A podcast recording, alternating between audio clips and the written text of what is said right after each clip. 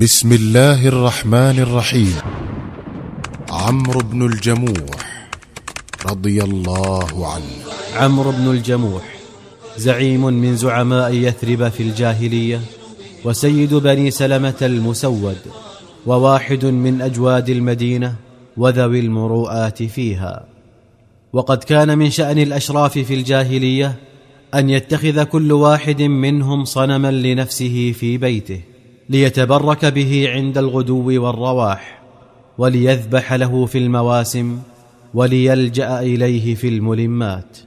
وكان صنم عمرو بن الجموح يدعى مناه وقد اتخذه من نفيس الخشب. وكان شديد الإسراف في رعايته والعناية به وتضميخه بنفائس الطيب. كان عمرو بن الجموح قد جاوز الستين من عمره حين بدأت أشعة الإيمان تغمر بيوت يثرب بيتا فبيتا على يد المبشر الأول مصعب بن عمير فآمن على يديه أولاده الثلاثة معوذ ومعاذ وخلاد وترب لهم يدعى معاذ بن جبل وآمنت مع أبنائه الثلاثة أمهم هند وهو لا يعرف من أمر إيمانهم شيئا. رأت هند زوجة عمرو بن الجموح أن يثرب غلب على أهلها الإسلام وأنه لم يبق من السادة الأشراف أحد على الشرك سوى زوجها ونفر قليل معه وكانت تحبه وتجله وتشفق عليه من أن يموت على الكفر فيصير إلى النار. وكان هو في الوقت نفسه يخشى على أبنائه أن يرتدوا عن دين آبائهم وأجدادهم وأن يتبعوا هذا الداعية مصعب بن عمير. الذي استطاع في زمن قليل أن يحول كثيرا من الناس عن دينهم وأن يدخلهم في دين محمد. فقال لزوجته يا هند احذري أن يلتقي أولادك بهذا الرجل يعني مصعب بن عمير حتى نرى رأينا فيه.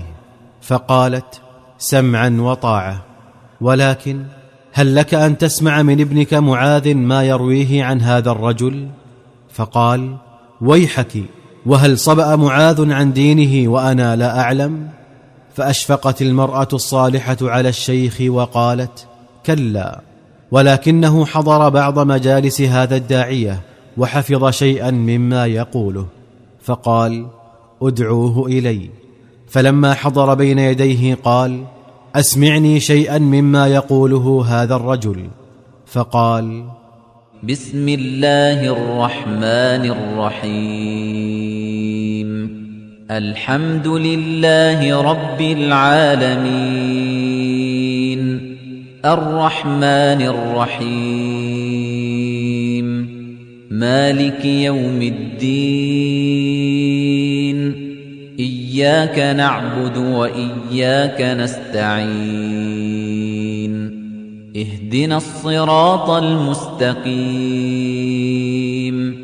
صراط الذين أنعمت عليهم غير المغضوب عليهم ولا الضالين.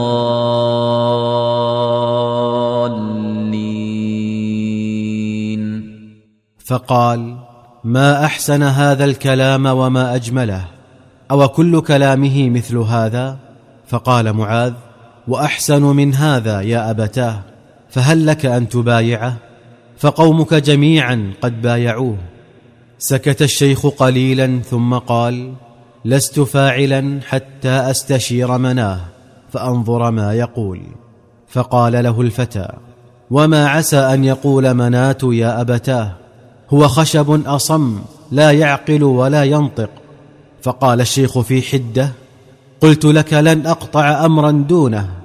ثم قام عمرو بن الجموح إلى مناه وكانوا إذا أرادوا أن يكلموه جعلوا خلفه امراه عجوزا فتجيب عنه بما يلهمها إياه في زعمهم ثم وقف أمامه بقامته الممدودة واعتمد على رجله الصحيحة فقد كانت الأخرى عرجاء شديدة العرج فأثنى عليه أطيب الثناء ثم قال يا مناه لا ريب أنك قد علمت بأن هذا الداعية الذي وفد علينا من مكة لا يريد أحدا بسوء سواك وأنه إنما جاء لينهانا عن عبادتك وقد كرهت أن أبايعه على الرغم مما سمعته من جميل قوله حتى أستشيرك فأشر علي فلم يرد عليه مناه بشيء فقال لعلك قد غضبت.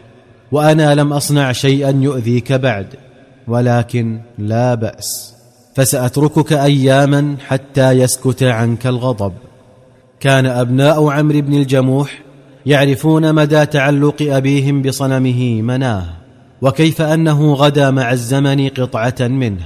ولكنهم أدركوا أنه بدأت تتزعزع مكانته في قلبه وأن عليهم أن ينتزعوه من نفسه انتزاعا. فذلك سبيله إلى الإيمان. أدلج أبناء عمرو بن الجموح مع صديقهم معاذ بن جبل إلى مناة في الليل وحملوه من مكانه وذهبوا به إلى حفرة لبني سلمة يرمون بها أقذارهم وطرحوه هناك. وعادوا إلى بيوتهم دون أن يعلم بهم أحد. فلما أصبح عمرو دلف إلى صنمه لتحيته فلم يجده. فقال ويلكم من عدا على إلهنا هذه الليلة فلم يجبه أحد بشيء. فطفق يبحث عنه في داخل البيت وخارجه وهو يرغي ويزبد ويتهدد ويتوعد حتى وجده منكسا على رأسه في الحفرة فغسله وطهره وطيبه وأعاده إلى مكانه وقال له أما والله لو أعلم من فعل هذا لأخزيته. فلما كانت الليلة الثانية عدا الفتية على مناه ففعلوا فيه مثل فعلهم بالأمس. فلما أصبح الشيخ التمسه فوجده في الحفرة ملطخا بالأقذار فأخذه وغسله وطيبه وأعاده إلى مكانه. وما زال الفتية يفعلون بالصنم مثل ذلك كل يوم. فلما ضاق بهم ذرعا راح إليه قبل منامه وأخذ سيفه فعلقه برأسه وقال له يا مناه إني والله ما أعلم من يصنع بك هذا الذي ترى فإن كان فيك خير فادفع الشر عن نفسك وهذا السيف معك ثم آوى إلى فراشه. فما إن استيقن الفتية من أن الشيخ قد غط في نومه حتى هبوا إلى الصنم فأخذوا السيف من عنقه وذهبوا به خارج المنزل.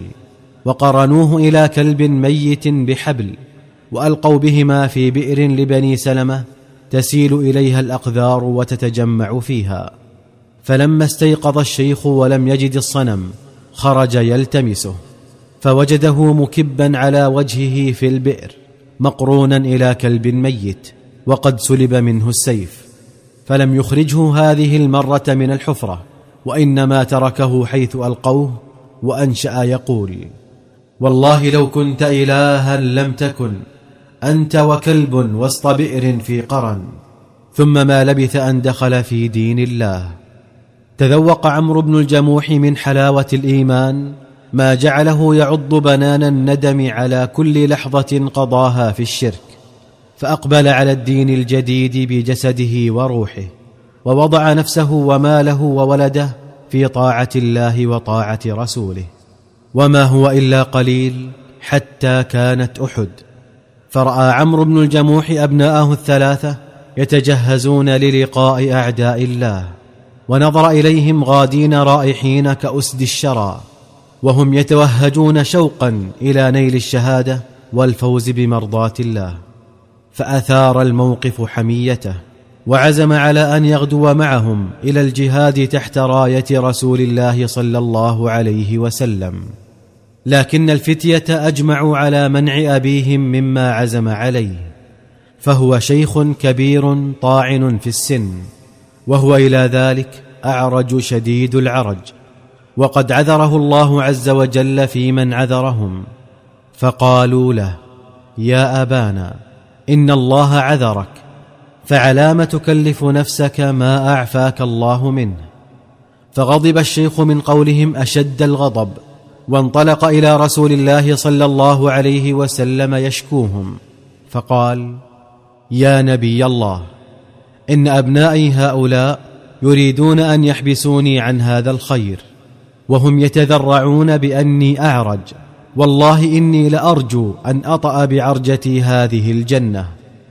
فقال الرسول عليه الصلاة والسلام لأبنائه دعوه لعل الله عز وجل يرزقه الشهادة. فخلوا عنه إذعانا لأمر رسول الله. وما إن أزف وقت الخروج حتى ودع عمرو بن الجموح زوجته وداع مفارق لا يعود. ثم اتجه إلى القبلة ورفع كفيه إلى السماء وقال اللهم ارزقني الشهادة ولا تردني إلى أهلي خائبا. ثم انطلق يحيط به أبناؤه الثلاثة وجموع كبيرة من قومه بني سلمة. ولما حمي وطيس المعركة وتفرق الناس عن رسول الله صلوات الله وسلامه عليه شوهد عمرو بن الجموح يمضي في الرعيل الأول ويثب على رجله الصحيحة وثبا وهو يقول إني لمشتاق إلى الجنة إني لمشتاق إلى الجنة وكان وراءه ابنه خلاد. وما زال الشيخ وفتاه يجالدان عن رسول الله صلى الله عليه وسلم حتى خرا صريعين شهيدين على أرض المعركة ليس بين الابن وأبيه إلا لحظات. وما إن وضعت المعركة أوزارها حتى قام رسول الله صلى الله عليه وسلم إلى شهداء أحد ليواريهم ترابهم فقال لأصحابه خلوهم بدمائهم وجراحهم. فانا الشهيد عليهم. ثم قال ما من مسلم يكلم في سبيل الله إلا جاء يوم القيامة يسيل دما. اللون كلون الزعفران والريح كريح المسك. ثم قال ادفنوا عمرو بن الجموح مع عبد الله بن عمرو فقد كانا متحابين متصافيين في الدنيا. رضي الله عن عمرو بن الجموح وأصحابه من شهداء أحد ونور لهم في قبورهم. عمرو بن الجموح شيخ عزم على أن يطأ بعرجته الجنة.